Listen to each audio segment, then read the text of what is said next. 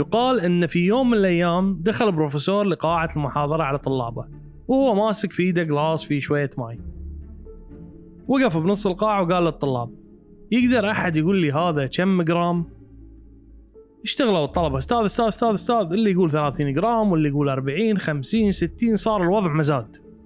البروفيسور بهدوء رد عليهم أنا أعرف إنه مو وايد بس ما أعرف كم لأنه ما وزنته أساسا. بس سؤالي لكم شنو بيصير لو رفعت هال glass فوق لمدة خمس دقائق ورفع ايده وهو ماسك ال glass ما حد رد من الطلبة. قال لهم زين شنو بيصير لو تميت ماسك هال glass ساعة كاملة؟ فرد واحد من الطلاب بسرعة أكيد إيدك راح تعورك أستاذ فقال البروفيسور ممتاز. وشنو بيصير لو تمينا يوم كامل؟ فرد طالب ثاني إيدك راح تنمل بعدها يصيدك شد عضلي بعدها تتمزق وعقبها تنشل ونوديك المستشفى. هني ضحكوا كل اللي في القاعة. سأل البروفيسور إنزين وزن ال glass هل راح يتغير؟ كلهم قالوا له أكيد لا.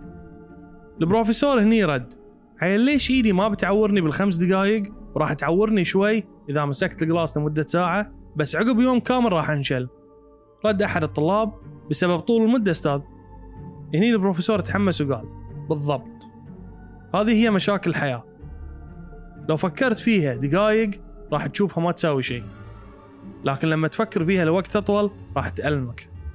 وإذا استمريت أكثر راح تألمك أكثر وأكثر ليه ما تشلك وتخليك عاجز إنك تسوي أي شيء في حياتك.